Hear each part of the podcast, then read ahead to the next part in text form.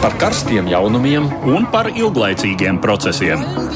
Par idejām, par cilvēkiem, par naudu un par laiku.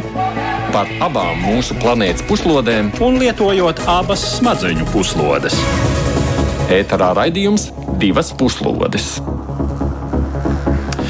Esiet sveicināti trešdienas pēcpusdienā nedaudz pāri trījiem, un tas nozīmē, ka klāt ir laiks raidījumam divas puslodes, kurās tradicionāli stāstām, kas aktuāls norisinās tuvākās un tālākās pasaules malās, diskutējam, analizējam, prognozējam. Mani sauc Muģis Lībijams, esmu Latvijas radio ziņu dienesta, un pēc vienas nedēļas attālpas man blakus studijā ir atgriezies arī Edvards Liniņš. Sveicināts! Labdien! Nu, par ko tad šodien runāsim? Pirmkārt, eh, privātās militārās kompānijas Wagner grupa kaujinieku nobāzēšanās Baltkrievijā ir radījusi jaunas bāžas par šo kaujinieku turpmākajiem mērķiem. Satraukumu kaimiņu valstīs palielina arī Krievijas un Baltkrievijas vadoņu izteikumi, tostarp par vēstures traktēšanu. Vai šī ir tikai tāda mutes brūķēšana, vai tomēr reāls pamats satraukumam par drošību reģionā? Izraels parlaments ir apstiprinājis likumu, kas atceļ augstākajai tiesai pilnvaras atcelt nesaprātīgus valdības lēmumus. Šis ir viens no pretrunīgi vērtētajiem Benjamina Netanjahu valdības reformu soļiem, kas jau ir izraisījis nepieredzēti plašus protestus un šķelšanos Izraels sabiedrībā. Vai Netanjahu izdosies pildīt savus solījumus un panākt kompromisu starp konfliktējošajām pusēm, vai arī protestu kustība uzņems arvien jaunus apgriezienus? Un politiskā neskaidrība un šķelšanās joprojām valda arī Spānijā, kur pēc parlamenta vēlēšanām nevienai partijai nav pietiekami daudz balsu, lai izveidotu jauno valdību. Cik liela loma valdības veidošanā būs labējiem populistiem un cik liela loma nacionālistiski noskaņotajiem katalāņiem? Par visām šīm tēmām tad arī plašāk turpmākajā stundā, bet sāksim mēs ar notiekošo tepat mūsu kaimiņos. Svētdien pašs pasludinātais Baltkrievijas prezidents Lukašenko apmeklēja Sanktpēterburgu, tur tiekoties ar agresoru valsts Krievijas vadoni Putinu. Notikuma publiskajā daļā viņš nāca klajā ar spilgtu pasāžu, paziņojot, ka Vāgnera grupas kaujinieki, kuri šobrīd uzturas Baltkrievijas teritorijā, uzstājīgi prasot ļaut viņiem doties, kā izteicās Lukašenko, ekskursijā uz Polijas galvaspilsētu Varšavu un Žešuvu pilsētu Polijas dienvidu austrumos, caur kuru notiek rietumu militārās palīdzības piegāde Ukrainai. Negribētos viņus tur pārdislocēt, jo noskaņojums viņiem ir slikts, piebilda diktators. Šie izteikumi papildina retoriku, kas pēdējā nedēļā izskan no austrumu puses un acīm redzami ir mērķēta nervozitātes radīšanai Krievijas un Baltkrievijas rietumu kaimiņu valstīs. Šai sakarā minams arī Vladimira Putina pirms nedēļas teiktais tiešsaistes sarunā ar Krievijas drošības padomas locekļiem.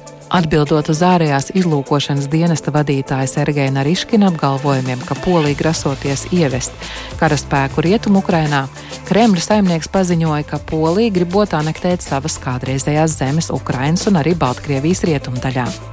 Sekoja kārtējā vadoņa improvizācija par vēstures tēmu, norādot, ka pašreizējās Polijas rietumu rajonus, kādreizējās Vācijas zemes, poļiem esot uzdāvinājis Staļins. Un, ja Polija to ir aizmirsusi, Krievija to atgādināšot. Vēl var pieminēt agrāk šomēnes izskanējušos Krievijas valsts domas deputāta ģenerāļa Karta Polova izteikumus par to, ka Baltkrievijā dislocēto Wagner grupas kaujinieku mērķis esot veikt triecienu cauri tā saucamajam Suvalku koridoram. Polijas un Lietuvas teritorijai starp Baltkrieviju un Krievijas Kaļiņgradas, jeb tagad sauktās Kēnigsbergas un Karaļauču apgabalu. Visi šie izteikumi, protams, izklausās pēc provokatīvas mutes brūķēšanas. Tomēr saskaņā ar jaunāko informāciju vairāki tūkstoši Wagner grupas kaujinieku ieradušies Baltkrievijā un jau iesaistījušies militārās mācībās gluži netālu no Polijas robežas. Reaģējot uz to, Polija dislocējas papildus apmēram tūkstoti karavīru pierobežu zonā.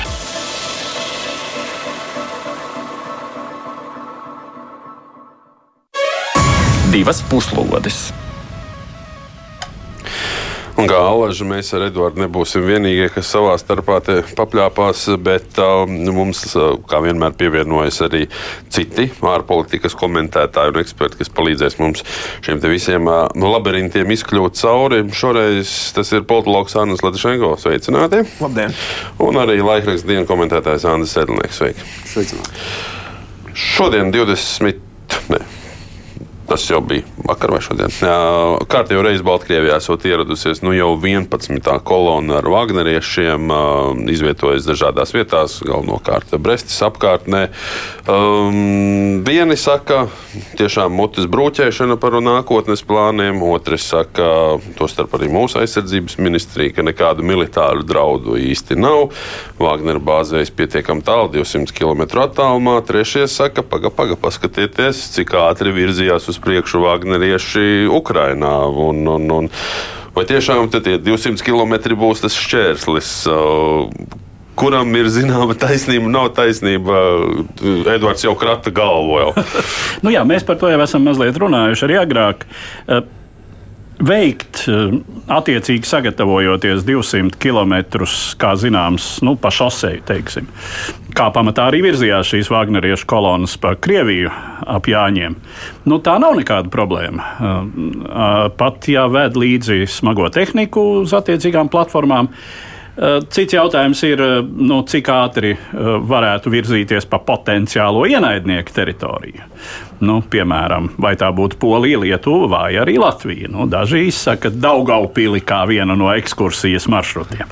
Cita starpā, bet nu, joprojām tas ir maz ticami. Galvenokārt tāpēc, ka nu, tā, bez nopietnas Eh, bez nopietna bruņojuma, kas tad būtu pilnvērtīgs.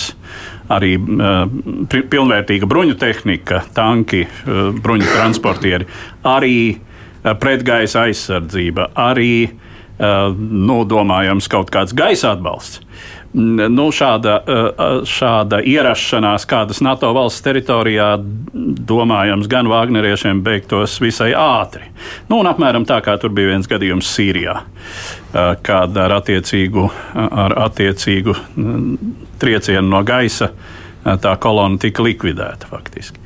Nu, tad, bet bet nu, tas nenozīmē, ka nevar pakutināt nervus. Ka, piemēram, teiksim, kāda kolona nevar strauji doties virzienā no bāzes kaut kur uz robežu un tad paskatīties, kāda ir reakcija.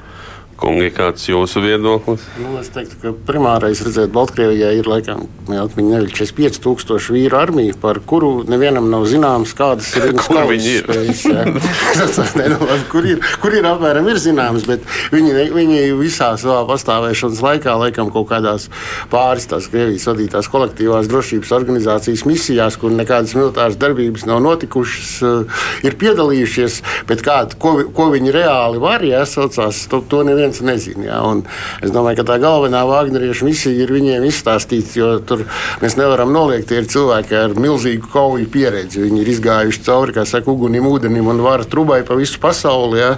Un viņi var iemācīt ļoti daudz ko. Un es domāju, ka viņa galvenā misija ir apmācīt Baltkrievijas armiju gadījumam, ja jāsaucās. Bet vai tas gadījums, ja, vai viņš pienāks, nu, tas jau ir. Nezinu, šeit, šeit atkal jautājums, vai apmācīt gadījumam, ja viņiem uzbruk, vai ja viņiem ir jāuzbruk. Tas arī tas ir, vai tas gadījums jā, jā. pienāks, to es nezinu, kā tas jo tev ir jautājums. Eh, jautājums ir par to, viena lieta ir apmācīt tehniski. Iemācīt kaut kādus taktiskos paņēmienus, psiholoģiski sagatavot kaujas darbībai. Jā, uz to Wagnerieši ir spējīgi. Vai Wagnerieši varētu kaut kādā veidā palielināt Baltkrievijas armijas, motivā, Baltkrievijas armijas motivāciju karot Ukrainā, par ko ir diezgan skaidrs, ka tas nu ir tas, uz ko viņus nu, praktiski nav īpaši cerība piedabūt. Ja? Kāpēc arī Lukašenko nu, domājams turas pretī visām četrām Krievijas spiedienam? Ja? Te jau arī Arnēs krata kalnu. Nē, es pilnīgi piekrītu tam, ka tas liekas neloģiski, ka viņi ienāks un vienkārši nomirs. Bet mēs redzam, nu, palūkosimies tādā plašākā kontekstā. Mēs redzam, ka pirms cik tur gadiem, diviem, man liekas, bija no Baltkrievijas puses provokācijas ar bēgļiem. Un, un acīm redzot, še, nesen pārvietoja arī atomieročus uz Baltkrieviju. Te ir jautājums, kaut kas top. Kaut ko, kaut ko viņi plāno. Es, es nedomāju, ka Kremlis vienkārši izplatītu šo vēstījumu vienkārši tāpat uz tukšas vietas. Vismaz viņi kaut kādā veidā politiski cenšas spiest uh, uz Eiropu, uz Lietuvu. Iespējams, viņi varēs arī. Nu, es negribētu gan nevienu satraukt vai celt paniku, tad viņi varētu iesūtīt, piemēram, diversantu grupas.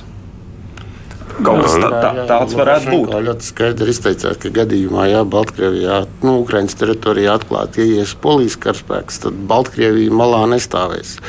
Un viņiem, tā teikt, teorētiski ir nopietnas pretenzijas uz lielāko daļu Rovnas apgabalu Baltkrieviem, kur dzīvo praktiski, nu, tas oficiāli skaitās, ka vairākums tur ir etniskie Baltkrievi, lai gan tur pateikt, kurš tur ir kurš, ja man liekas, ir ļoti grūti. Jā.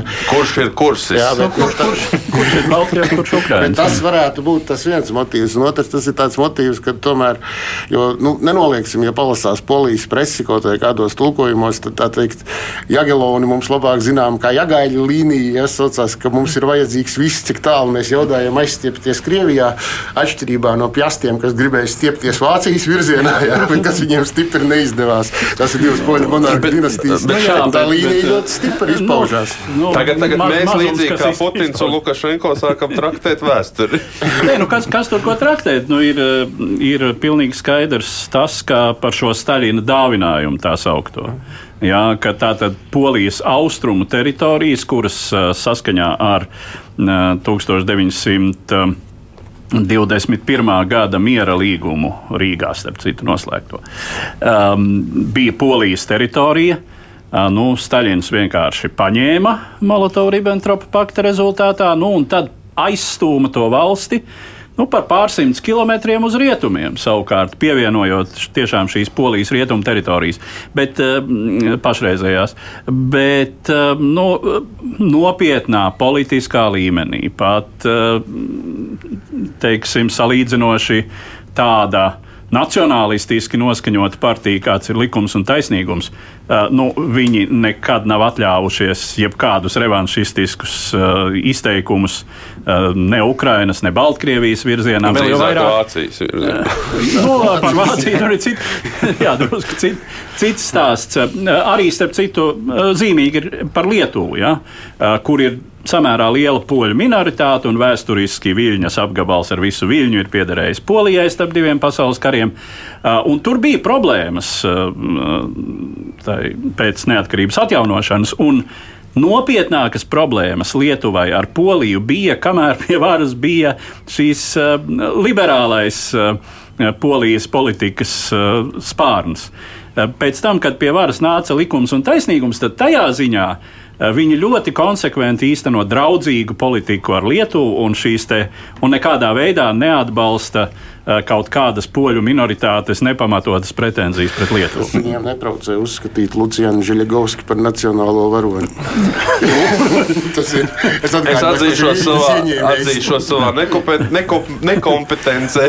Nezinu šī Nu, cik nu cilvēka. nacionāls varonis, bet nu, nu, nu, jā, nu viens no viņa neatkarības Atgriezīsim, atgriezīsimies no vēstures traktējumiem pie, pie Wagnera. Uh, Starp citu, viens no iemesliem, ko uh, tieši Polijas aizsardzības struktūra pārstāvja runā, ir šī minētie migrantu plūsmas. Jo nu, salīdzinājumam pagājušajā gadā bija fiksēti uh, tu- 15,700 nelegālas robežu šķērsošanas gadījumu Polijā. Šogad līdz gada vidum 14,000. Tātad faktiski pagājušā gada apjoms. Nu, un, un, un tā kā saka, ka iespējams, lai arī fiziski varbūt bēgļi netiek pāri žogam, ka Wagnerieši varētu tieši palīdzēt ar taktiku, transportu, ekipējumu, ka varbūt tieši uz turieni viņi tiek virzīti kā, nu, nezinu, rutīnas darba darītāji. Te gribētu pie, piebilst, pabeidzot šo tēmu, ka ir viena liela priekšrocība Wagneram. Jo Krievija vienmēr izmantojot Wagneru, pats par sevi ir skaidrs, kuram ir kontrole par Wagneru. Bet Jā. vienmēr Krievija var pateikt, ka tie neesam mēs, viņi paši darbojas autonomi. Ņemot vērā, ka tā organizācija pati ir arī aizliegta Krievijā. Un tas ir arī tāds, ka manevra iespējas dod rietumiem. Rietumi arī tas nav karš no Krievijas puses vai Baltkrievijas puses. Viņi darbojas autonomi, mēs viņiem neko nevaram izdarīt. Mūsu tur nav. Un, un, un, piemēram, spiest uz to, ka viņi paši var uzspiest uz Wagneru, lai Wagners nerīkojās kaut kādā slikti. Un prasīt kaut kādas koncesijas no, no, no rietumu. Rietumu puses. Iespējams, tāds plāns zīmējās diktatoru, diktatoru galvās, bet ir skaidrs, ka daudz ko viņi ko ir darījuši, piemēram, te, te pat enerģētikas jomā, visi viņu plāni bieži vien izgāžās. Tas ir arī milzīgs risks kaut ko tādu darīt, eskalēt vēl jau vairāk. Nu jā, tā ir zināmā mērā tā ir nu, tāda pokera spēle un jautājums, kurā brīdī tas ir tīrs blefs un kurā brīdī tā ir likme. Ar cerību var būt, ka pēkšņi pretējā puse mm, tā sacīt izrādīsies nu, pie, piekāpīga, ne, neuzņēmīga, neizlēmīga, vienkārši bailīgāka nekā gribētos. Nu, ir, ir šis viedoklis visnotaļ izplatīts sevišķi, teiksim, Krievijas šobrīd, šobrīd trimdā esošo Krievijas komentētāju vidū, ka nu, Viļņas samits, kur Ukraina nesaņēma katrā ziņā to, uz ko cerēja, kur vispār tonis pret Krieviju, uh, nu, teiksim, katrā ziņā netika kāpināts. Uh, kombinācijā ar to, ka nu, visdrīzāk Putins šobrīd izjūt ļoti asi savas autoritātes apdraudējumu Krievijas iekšienē pēc Prigožina dumpja, nu, tad tas viss kopā rada to vajadzīgo kokteili, to degmaisījumu, eh, kas tiešām liek eh, šobrīd Krievijas līderim, eh, nu, kas, kas viņu mudina uz kaut kādām šādām avantūrām. Viņam atkal ir teiksim, iedarbojies tas, iedarbojusies tā stiprā līdera izjūta, ka nu, viņam ir jāuztur, viņam ir jāuztur savs renomē. Nu, tas, ir, tas ir visdrīzāk viens no, ja ne pats galvenais motīvs. Eh, cik tālu tur var nonākt? Nu, nu, es atļaušos citēt Arestoviču. Eh, Karalietās ir tā eh, ir jābūt gatavam uz vissliktāko. Tad visdrīzāk šis vissliktākais nenotiks. Par, par vissliktākiem runājot, piemēram, apvienot, apvienotās karalistes parlamentārajā attiecību komiteja ir atzinusi, ka tā faktiski gadiem ilgi ir par zemu novērtējusi Wagner grupas darbības un ietekmi, un, jo ir koncentrējusies tikai uz to, ko Wagners dara Eiropā. Un, faktiski ir palaists garām viss šis visas šīs aktivitātes Āfrikā, Latvijā, Amerikā un tam līdzīgi. Starp citu, par šīm aktivitātēm tieši arī bēgļu jautājumu ziņā tiek minēts, ka Uh, ņemot vērā iepriekšējo pieredzi, Vāģneram ir ļoti labi sakari Āfrikas valstīs, kas varētu iedarboties kā saistošais elements, virzot šos migrantus pāri robežai vai atbalstot viņus. Jo arī Āfrikā tiek jau vervēti algotņi, tā kā tas viss varētu arī vēl skatīties plašāk, vai mēs pietiekami esam novērtējuši riskus un viņu darbību. Nu, tas ir droši vien jājautā pirmām kārtām kādam, kas ir zinošāks tieši drošības jautājumos. Zinošs, prasīsim ekspertiem, vai viņi varētu pateikt. Es, nu, es domāju, ka jā, nu, tās bažas jau pastāv. Es domāju, ka viena lieta ir, ka es domāju, ka vismaz ilgu laiku tas tā tiešām ir, kad mēs ļoti slikti novērtējam to, ka tā ir būtībā, kad viņi, nu, teiksim, būtībā jaudīgākā privātā militārā kompānija pasaulē. Sauksim jau lietas īstajos vārdos. Ja. Ir ļoti augsta līmeņa profesionāli profesionāļi ar ļoti lielu pieredzi visdažādākajās situācijās. Un, ja viņiem tur arī ir bijušas neveiksmes, tad veiksmi viņiem ir bijis daudz vairāk. Ja? Un, kad viņi atrodas te blakus, nu, tad nu, mēs sākam domāt, ka nu, jā, nu, tad, nu, mēs kaut, kā, kaut ko esam laiduši garām visu šo laiku. Ja? Tā patiesībā ir ļoti jaudīga un kaujas-spējīga organizācija. Vienīgais tagad, nu, jautājums ir, kurš tad ir teikt biznesa turētājs tagad? Ja? Jo Krievijas presē tur bija plaši apraksti par to, kā Putins ir ticies ar Wagner komandieriem, kopskaitā pāri pa 30 ar visu Prigožinu, un ar apmēram tādu komentāru, ka tas viss kopā izskatījās pēc agresīvas biznesa pārņemšanas, tā teikt, un jaunā īpašnieka iepazīšanās ar kolektīvu. tā kā, nu, kaut kā tā, tā kā, nu, es nezinu. Kā. Nu jā, nu, tas viedoklis arī izskan, ka šobrīd Baltkrievijā gan Prigožins, gan viņa vīri atrodas tāpēc, lai izpirktu grēkus par to, ko sastrādāja. Nu, tā tad, eh, bet, protams, šai medaļai ir otra puse, un tā ir tā, ka Vāģnera mm, grupai un arī pašam Prigožinam eh, ir jādomā diezgan maz ideoloģisku Uh, un arī nu, jautājums par to, cik viņa motīvi ir patriotiski, nu, tādā Krievijas izpratnē patriotiski. Viņš ir biznesa cilvēks, un līdz ar to iespējams. Nu, būsim, būsim reāli arī paši Wagnera kaujinieki lielākoties ir biznesa. Jā, iespējams, ka kaut ar varētu, lielu adrenalīnu līmeni asinīs. Ka te varētu iedarboties kādas schēmas, kas ir pazīstamas kopš vēlīnās Romas impērijas laikiem, kad no barbariem vienkārši izdevās diezgan veiksmīgi atpirkt izteikties. Nu, pēdējais jautājums, protams, būtu par to, kāpēc no viņiem pavisam neatbrīvojās. Bet viņus pārved kaut kādā tādā citā teritorijā, citā statusā. Bet arī jau ne visus. Viņ, ne visus, jā, jā. bet pilnībā no viņiem nav atbrīvojušies. Tas nozīmē, ka joprojām saglabājas kaut kāds tīkls tuvajos austrumos, saglabājas tīkls Āfrikā, e, visas tās schēmas, kā viņi taisa naudu strādā ar resursiem Āfrikā. Kur un droši vien sava daļa tiek arī Vladimiram Putinam. Redz, ka var turpināt šo Wagneru izmantot arī citiem politiskiem mērķiem. Par politiskiem mērķiem turpināsim runāt citā reģionā, kur droši vien ir ne tikai fiziski karsti, bet arī emocionāli un politiski karsti. Dodamies uz Izraēlu. Šīs nedēļas sākums iezīmē robežu šķirtni likumdošanas procesā, kas kopš gada sākuma polarizē Izraēlas sabiedrību un ir izraisījis plašākos protestus šīs tuvo austrumu valsts vēsturē. Pirmdien, kad neseta labējais vairākums ar nelielu balsu pārsvaru, pieņēma tā saucamo saprātīguma likumu, kas paredz atņemt Izraēlas augstākai tiesai līdzinējās pilnvaras atcelt valdības lēmumus kurus tiesa uzskata par nesaprātīgiem.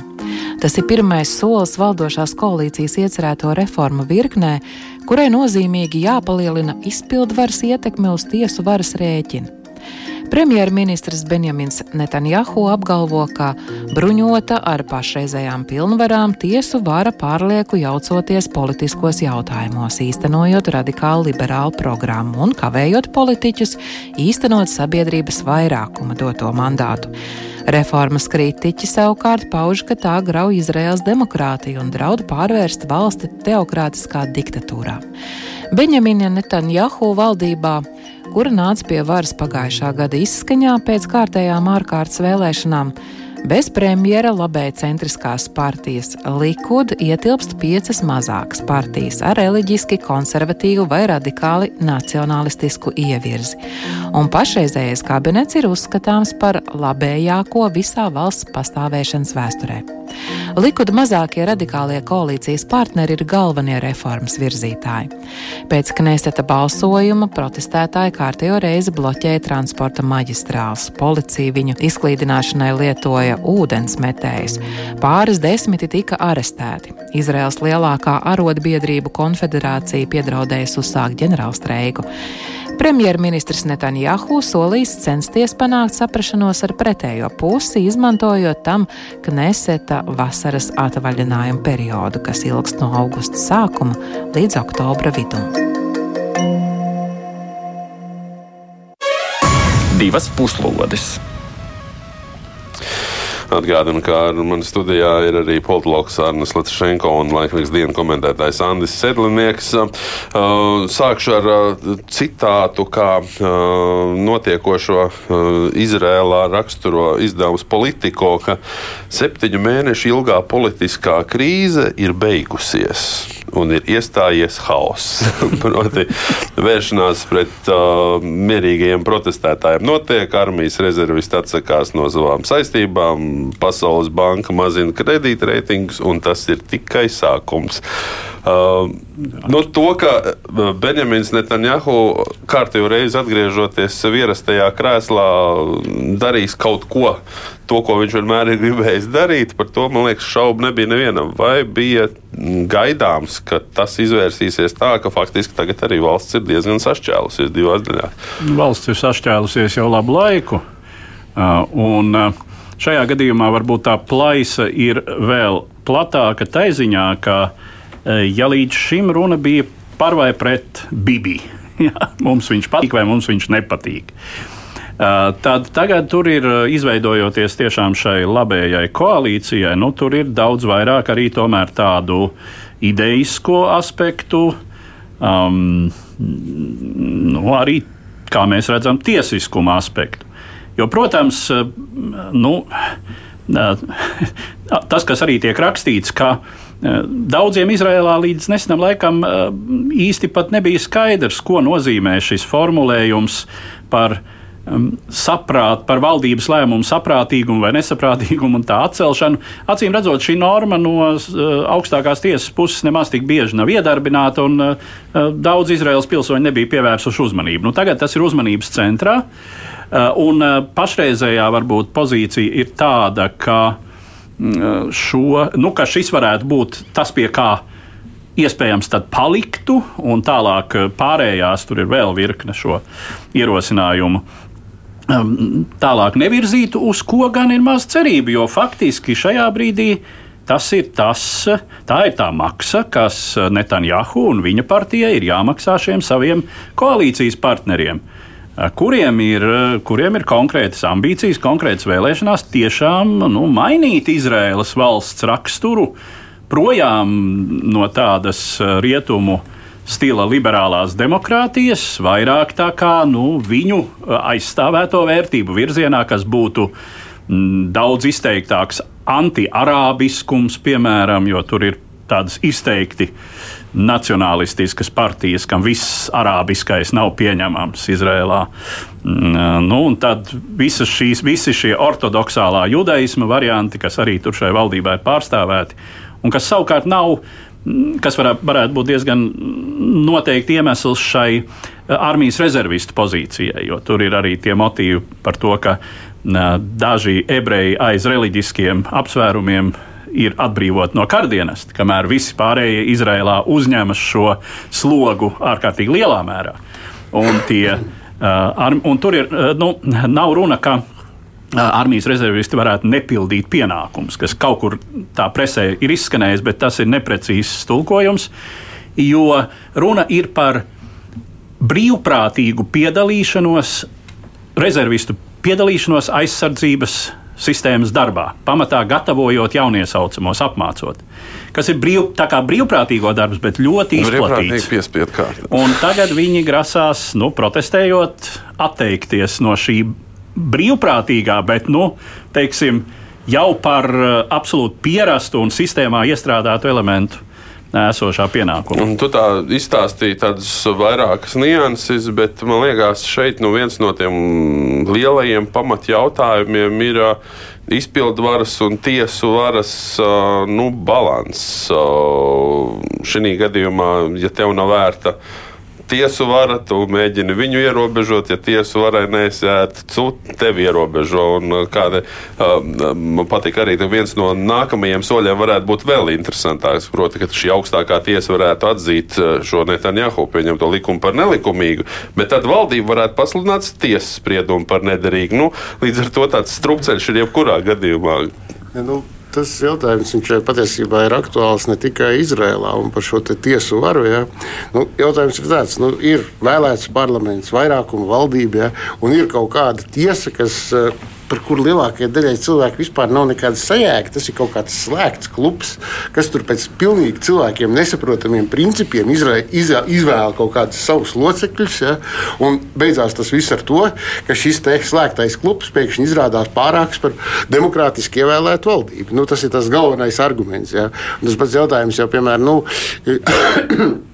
Man ir ASV tagad tas jautājums, tas pats, ja augstākā tiesa. Redz, tur viņi ir izrādījusies stipri konservatīvi. Ja? Un tagad mēs brēcam, kas tā tāda patiesa. Tur, tur diezgan, tiesa, tur diezgan konkrēti tiek iecelti cilvēki. Jā, arī šajā cilvēki. gadījumā ir iecelšanas mehānisms. Jā, nav, nav, tā, ka to, nav tā, ka to izvirzītu kaut kādi kaut kādi klubi. Tur, ne, nu, tur ir laikam profesionālās jurista organizācijas, kā viens no. Nu, tāpat kā Latvijas gadījumā, nu, teiksim, sabiedriskā mēdīja pāraugums arī ne tikai parlaments, bet uh, vairāki. Um, tā tad vairākas sabiedrības institūcijas izvirza. Tā gluži nav tiesu vara. Nu, nē, nē, bet, nu, kā, piemēr, kā, piemērs tam, ka, kā piemērs tam, ka šādā veidā um, nu, kur, kur arī ir īpaši likumā iestrādāts mehānisms. Uh, un runa, runa ir par, pat ne par to, ka likvidēt, runa ir par to, ka palielināt valdību, palielināt valdības uh, proporcionālo ietekmi šai tiesneša iecelšanas procesā. Bet nu, tas ir. Nu, tā tad atkal ir, mēs nonākam pie otras galējības, vai tad politiķiem būtu jābūt atbildīgiem par to, ka, kas ieceļ, ieceļ tiesnešus. Tas ir, tas ir tas mūžīgā diskusija par to, kur, ir, kur sākās likums un kur tiesnesis pas, pasūkā vai sanāk kopā tiesneši tautas sodā izsakoties pasūkā īkšķi saka, šitas lēmums ir nesaprātīgs. Ja, ja tur ir, teiksim, desmit ultraliberāli tiesneši, viņiem dabiski jebkurš konservatīvs lēmums liksies nesaprātīgs. Un otrādi. Ja. Un tad nu, jautājums ir par to. Nu, kā var būt, ka cilvēkiem ir tiesības pret vairākumu iet? Ja? Nu, tas ir tas galvenais arguments. Bet vai tiesa varai vispār nav jābūt pilnīgi neatkarīgai tādā gadījumā? Nu, laikam jau tāda pilnīga tiesu varas neatkarība nav iespējama. Nu, tiesu vara ir neatkarīga varas dalījuma principa ietvaros. Un katrā valstī, kā mēs redzam, ir zināmas nianses. Nu, Izrēlā tās nianses ir tādas, tur tas līdz šim tā ir darbojies. Uh, līdz šim īsti nevienam nav uh, vairākus desmitus gadu, nav bijusi vēlēšanās šo sistēmu grozīt. Ja? Nu, droši vien tur ir jāanalizē, kāpēc tieši šobrīd. Uh, triviālais motīvs ir tas, ka pašam Netanjahu jau kuro gadu turpinās izskatīšana tiesas procesā apsūdzības par korupciju kas ir viens no galvenajiem motīviem arī visai šai vairākus gadus jau ilgstošai politiskajai krīzei, kur šis ir tikai viens no posmiem. Arni, nesam devuši tev vārdu. Jā, jā tas, tas varētu būt tas galvenais politiskais iemesls. Arī to starp man šķiet, ka Netanjahu pat nācās mainīt vienu ministru saistībā ar, ar, ar šo izmeklēšanu. Eh, bet, teiksim, mans uzskats ir, ka nu, tiesu vara ir viennozīmīgi skaidra, skaidra svarīga. Tā kontrolē tiesiskumu, visu normatīvo aktu tiesiskumu. Tas ir pats, jebkuras konstitucionālās tiesas e, mērķis. Pretējā gadījumā, ja, mēs, ja tāda orgāna nepastāvētu, kas kontrolētu šo atbilstību galvenajiem teiksim, no konstitūcija galvenajam likumam Izrēlē gan nav vienas tādas, viņiem nav kodificēta, viņiem ir vairāk dokumenti. Tad tādā gadījumā mēs. Uh, demokrātiskā veidā varētu apgāzt pašu demokrātiju. Nu, ievēlot netīšām politiķus, kas, kas izveidos, nu, faktiski sagrābs varu. Varas sagrābšana jau ir iespējama arī demokrātiskā valstī. Mm. Līdz ar to ir nepieciešams tāds orgāns, kurš kontrolē tiesiskumu. Uh, Nu, un, un tāpēc, šeit tāpēc viens, es, grib, viens vairāk, grib otru kontrolēt. Nu, tā tā, es, Nē, nu, es pieturos pie, pie, pie tā viedokļa, ka jā, ir jāsaglabā šis līdzsvars, un ja pastāv šādi mēģinājumi, nu, faktiski tie ir mēģinājumi, eh, teiksim, tie ir mēģinājumi, kas beigsies ar kaitēšanu demokrātijai. Nu, tā, tā, tā no man, vismaz no manas skatu punkta, mans tāds viedoklis, ka tā izskatās pēc tādas kā virzie, virziena varas sagrābšanas. Jā, un ja jau būtu, ja jau būtu runa par nepārprotamu sabiedrības atbalstu vienam vai otram modelim, bet šeit tas, nu, tā ir koalīcijas valdība, tā ir. Uh, nu, tā, tā, tā ir dažu, burtiski tas ir dažu balsu pārsvars Knesetā, un tie ir simti tūkstoši brīžiem cilvēku ielās, kuri protestē. Un tā ir uh, Tas ir arotbiedrība draudēšana ar ģenerālu streiku un tā tālāk. Un tā tālāk visas šīs protesta izpausmes, kuras, kuras mēs jau šeit uzskaitām. Pat apskatot aptaujas, var redzēt, ka apmēram 70% Izraels sabiedrības, nu, tas, tas gan tikai aptaujas rezultāti, neatbalsta šo te. E, šīs reformas ir arī mēs redzam, ir pretestība ne tikai no arotbiedrības, bet arī teiksim, tāda institucionāla pretestība kaut vai no tā paša, no tā paša Izraels armijas puses ir neapmierinātība arī pēc ASV dokumentu noplūdes, kas bija aprīlī. Mēs tur parādījās, uzpeldēja tāda informācija, ka arī Mosads faktiski Mosads esot uh, paziņojis, ka pakļausies likuma varai un tiesiskumam, ko tas īsti nozīmē. Šī situācijā ir grūti saprast, kurš uzvarēs. Jā, protams, ir uh, liela ietekme ebreju organizācijām citās pasaules valstīs, nu, šeit, ASV. Un, un šeit atkal ļoti liberāls. Un šeit atkal esot pēdējā laikā ļoti izteikti Netanjahu izplatītā, arī viņa dēla izplatītās sazvērestības teorijas kā aiz visiem šiem protestiem stāvot Jā, nu, Džo Baidens. Džo Baidens. Jā, slikti amerikāņu demokrāti. Uh, nu, jāsaka, gan starp citu vēl viens fakts, ka uh, visa šī rezultātā Likud un vispār kopā šī labējā bloka reitingi ir nokrituši zem 50%. Sevišķi Likud reitingi, bet mazliet pat arī šo radikālo partiju, nu, kas, ir, kas ir jāsaka diezgan pārsteidzoši, jo nu, tur tas elektorāts ir uh, vairāk vai mazāk akmens ciets, kā jau tādām reliģiskām un radikālām partijām. Nē, nu, es domāju, ka tad, kad tu sāc saskarties ar nu, to iepriekš minēto haosu, tad daudz sāk pārvērtēt, vai tas ir gluži tas, ko tu gribi valsts kaut kādai virzībai uz priekšu. Nu, tur ir, piemēram, ir šīs teiksim, tā, jūdaismu fundamentālisti, kā nu viņas nosauc, kas ir ar visām četrām par šīm te Netanjahu pārmaiņām. Jā, tas arī ir ļoti nopietns un organizēts spēks. Un tur notiek arī atbalstītāju demonstrācijas. Tā kā tas sižets nemaz nav tik viennozīmīgs. Jā.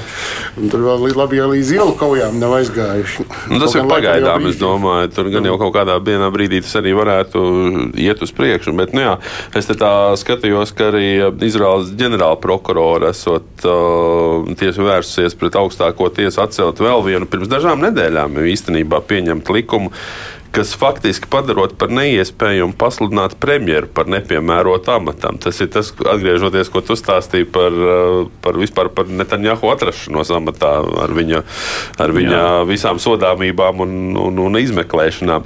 Bet, nu, katrā ziņā, jā, tur eh, kā vispār izskatās eh, šī situācijā, kad pašā valsts iekšienē ir tāds diezgan liels bardaks. Uh, kā veidojas attiecības ar, ar tiem pašiem palestīniešiem? Slikti, protams. Palestīnieši kā vienmēr kalpo par zibens novadējiem. Tā teikt, ja nu kas tad vienmēr tā teikt, nu, viņam jau nu, taisnīguma gada labad gan jāpiebilst, ka viņi mēdz arī paši pieteikties uz to, jāsaucās. Nu, pat tā kā pavisam nesen bija kārtējā akcija. Es vienkārši tā teikt atgādinu sabiedrībai, ka nu, vispār Izraela tomēr gadu desmitiem cīnās tur ar terorismu, ka dzīvo naidīgu valstu ielenkumā, nu, lai tur daudz tās attiecības ir normalizējušās. Un tas, cik starp arī viens no tiem argumentiem, kas tiek, kas tiek plaši izmantots, eh, kam dēļ šīs pārmaiņas ir nepieciešamas. Ja, jo, teikt, ja valdība pieņem lēmumu, ka tur ir jācīnās ar terorismu tā vai šitā, un augstākās ir, nē, nē, nevar tā, vajag maigi un glodīt pa spalvai. Ja, saucās, nu, nu, gan, nu, tas ir teorētiskais variants. Ja. nu, no otras puses, saka, starptautiskā sabiedrība saka, ka ebreju kolonistu nometņu apmetņu celtniecība ir nelikumīga. Nu, ja tiesa arī saka, ka tas ir nelikumīgi, bet valdība saka, ka jāceļ. Jā. Nu, tas nu, ir jautājums, kas ir Izraels. Tas, tas, ir, tas ir viens ļoti plašs jautājums. Jā, bet uh, nu, no otras puses uh, ir tāda informācija parādījusies, ka Izraēlai naidīgie spēki šo situāciju vērojot un ļoti domājot, kā profitēt no tās. Nu, tā, tādi teikumi arī lasām presē. Nu, acīm redzot, atkal mēs to skatāmies tādā reģionālā vairāk uh, ietvarā ar, ar, ar tuvākajiem naidniekiem, kaimiņiem, vai, nu, vai, vai, vai arī daudz plašākā. Nu, Izrēlē, nu, ko nozīmē? Nu, Izrēlē jau ir naidnieki. vēlēšanas, starp citu. Uh, Izrēlē naidnieki, tādi patiešām naidnieki jau ir reģionālie. Nu, tā ir pirmkārt Irāna, uh, nu, un tad attiecīgi spēki mm, Sīrijā, um, Palestīnā, Eh, nu, respektīvi, palestīniešu teritorijas. Ne? Nevarētu teikt, ka arī tās arābu valstis, lai tur arī tās attiecības ir normalizējušās, ka viņas tur jūt dziļas simpātijas pret Izraēlu. Teikt, vai, kā mēs visu laiku dzīvojām un nezinājām, cik viņi ir jauki cilvēki. Bet, uh, runājot par tām pašām Amerikas prezidenta vēlēšanām, droši vien Izraels faktors tas ir viens no retajiem, kas bieži vien uh, Amerikas ārpolitikā spēja nospēlēt arī kaut kādu lomu. Uh, republikāņiem ir lielais izaicinājums kas tad būs viņu partijas pārstāvis? Vai redzat kaut kādu um, potenciālu ietekmi no šādas nestabilitātes tur pāri okeānam, kas var atskanēt? Uh, es domāju, ka ebreju kopiena ASV jau tāpat ir sašķēlusies diezgan arī. Ja. Ir, ir kas stipri atbalsta republikāņus, un ir kas ir liberālā daļa, kas ir par demokrātiem. Es domāju, ka nekas būtisks tur diez vai mainīsies. Zinām, ietekme, protams, varētu būt, lai gan droši vien var lēst, ka Ukrainas jautājums nākamajās vēlēšanās būs nozīmīgāks, krietni nozīmīgāks. Labi, mēs skatīsimies par citu turpmāk arī diezgan kutelīgu politisko situāciju kādā šeit pat Eiropas valstī. Nemazāk karsti iet arī Spānijā un turpinājumā arī par Spāniju. No Pasaran skandēja Spānijas Socialistiskās strādnieku partijas atbalstītāji pulcējušies pie partijas centrālā biroja Madridē. Svētdienas vakarā, kad bija noslēgusies balsošana parlamenta vēlēšanās. Lozungs, kas tulkojumā nozīmē viņa netiks cauri, simbolizē kreiso un liberālo spēku cīņu pret uzbrukošo fašistisko diktatūru Spānijas pilsoņu karā pirms 85 gadiem. Toreiz republikāņi zaudēja, un valsts uz 40 gadiem nonāca ģenerāļa Franko huntas varā.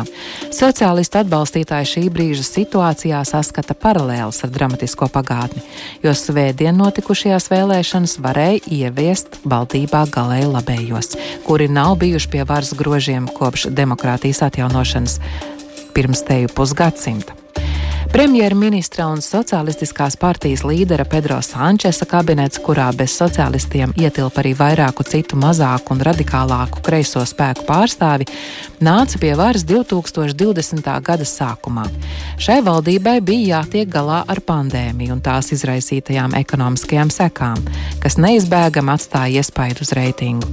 Pašvaldību vēlēšanas šī gada pirmajā pusē rādīja nepārprotamu labēju centriskās tautas partijas popularitātes kāpumu bet vienīgais potenciālais tautas partijas koalīcijas partneris ir populistiskā, nacionālistiskā partija Vox, kuru daudzi raksturo kā galēji labēju. Tomēr labējo uzvaras gājiens neizdevās.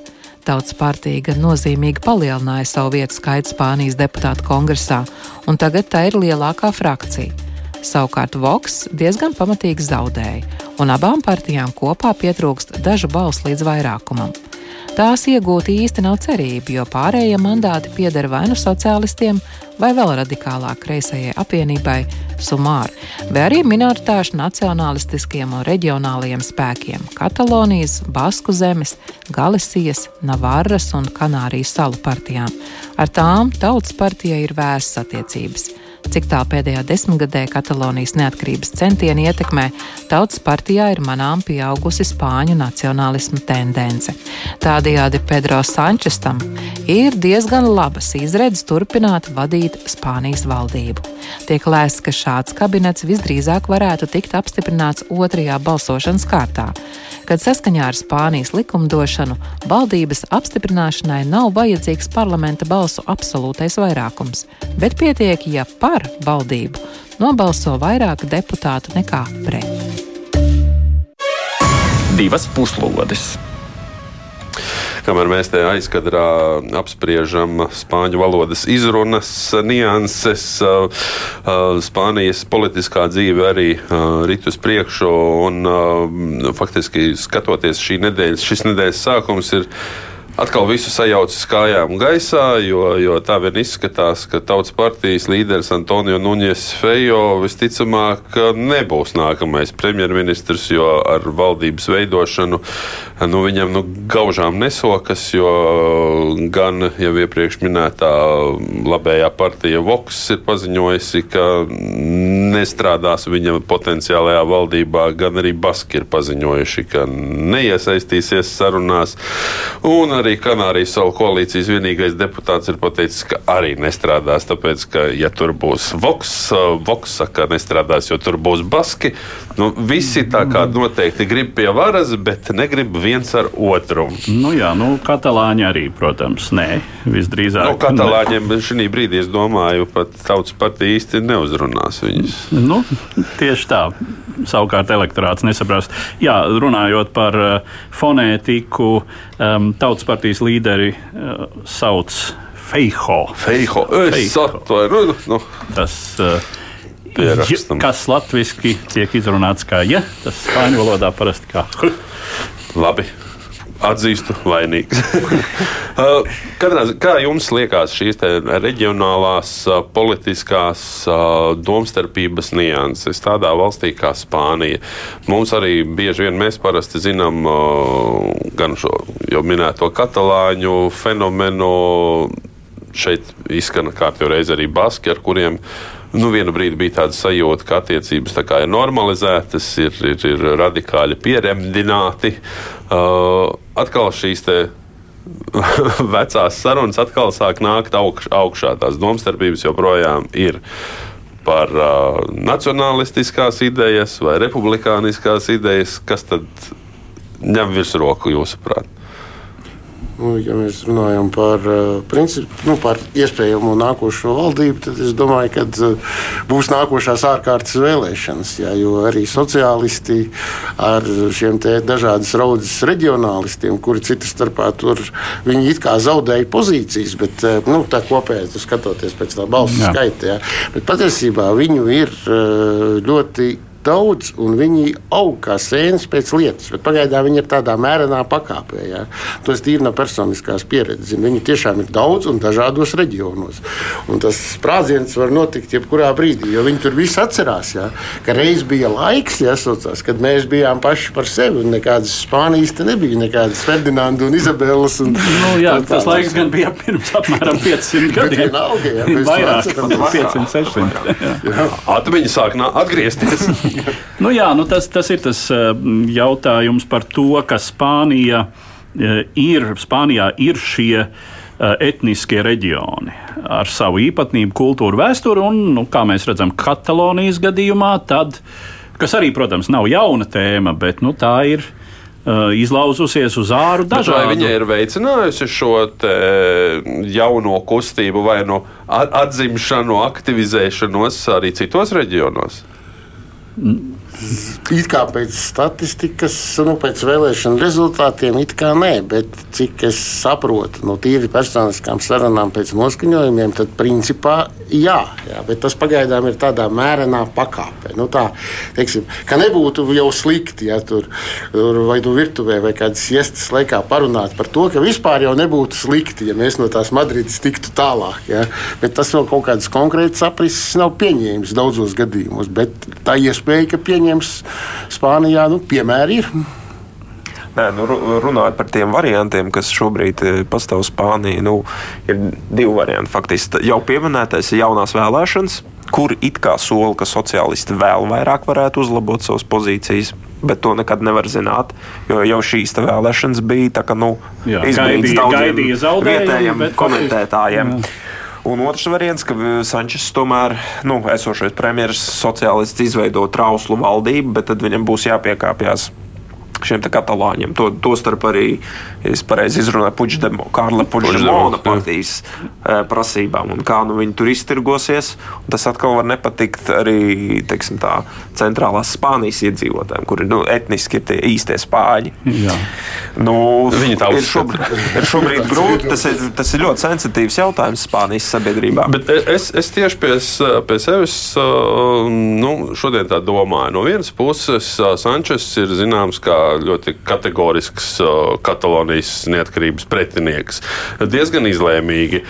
Vienlaikus, ja mēs skatāmies, viņš runā gan ar katalāņiem, gan ar tiem pašiem baskiem, gan ar galīciešiem, vai iespējams nu, dodot viņiem lielākas izteiksmes iespējas vai, vai lemšanas iespējas valdībā, vai netiek kaut kādā veidā nu, nodrošināts tas, ka nu, jūs drusciņi esat mierīgi savā pusē, bet es jums dodu iespēju kaut kādā lielākā līmenī. Es domāju, ka Sančes, tas, ar ko faktiski viņš arī nopirka šīs eh, minoritāšu partijas eh, pēc iepriekšējām vēlēšanām, viņa iepriekšējā valdība bija, bija ar šo partiju atbalstu. Eh, viņas nebija valdībā, tās partijas, bet, bet atbalsts bija, un tas bija faktiski nepieciešams, lai to valdību izveidotu.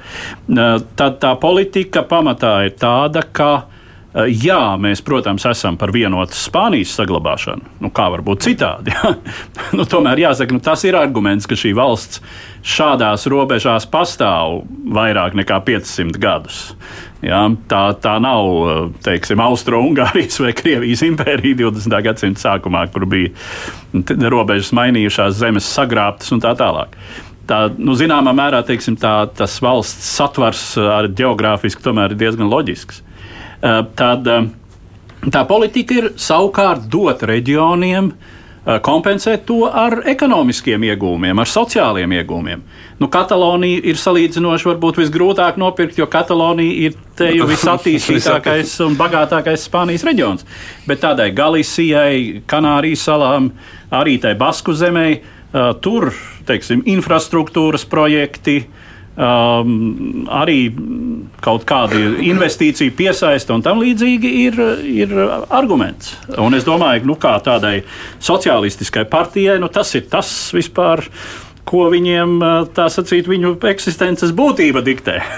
Varbūt pieredze un gudrība izpaužās šajā situācijā, bet viens no argumentiem, ko, par ko brīdina arī, ka nu, šāda situācija būtu atrisināma pēc iespējas ātrāk, jo Spānija ir Eiropas Savienības prezidējošā valsts un šādā visas Eiropas nosacītā koordinēšanas laikā būtu pavisam aplam kaut kādas vēl ārkārtas vēlēšanas vai kaut ko taisīt. Vai šis faktors vispār kaut ko var ietekmēt, ka ir arī Eiropas lietas darāmas?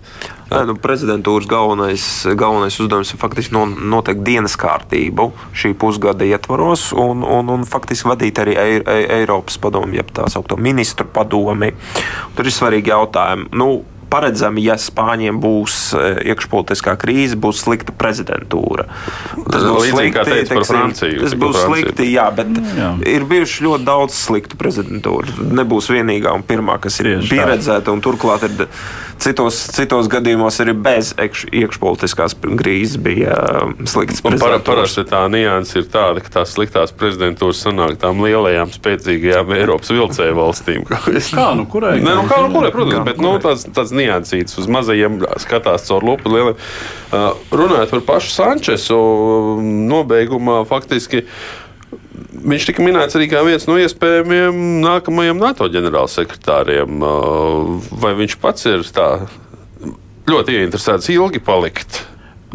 Vai arī vēl vismaz gadu varētu? Droši vien to, to ir grūti teikt. Nē, esmu iedziļinājies šajā jautājumā, bet es domāju, ka ja viņam būs iespēja palikt vēl uz vienu kadenci Spānijas premjerministram, tad nē, tad droši vien NATO ģenerālsekretāra amats nebūs aktuāls. Es domāju, ka nu, viņš izskatās pēc tāda vietējā politiķa. Tur vietējās kaislības. Tur, tur jau, piemēram, šito priekšvēlēšanu kampaņu gaitā plaši gāja vaļā jēdziens sančisms. Ja neko labāk mm. nevar izdomāt, tad ir sančisms ieviesies pie mums. Kas tas sančisms tāds ir, neviens tā īsti izstāstīt nevarēja, bet bija sančisms. Jā, un savukārt runājot par tautas partiju, šai partijai ir diezgan liels iekšējas problēmas.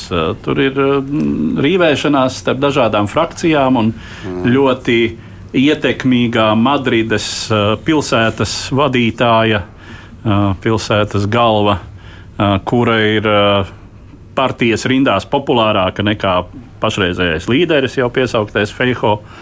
Nu, tā kā šai partijai arī ir Ļoti, ļoti iespējams, ka nu, teiksim, nākamās tiek gan teikts, ka, jā, ka šī partija varētu spēlēt uz tiešām uz atkārtotām vēlēšanām, mm, cerot uz lielāku iegūmu un tad pietiekamu balsu skaitu.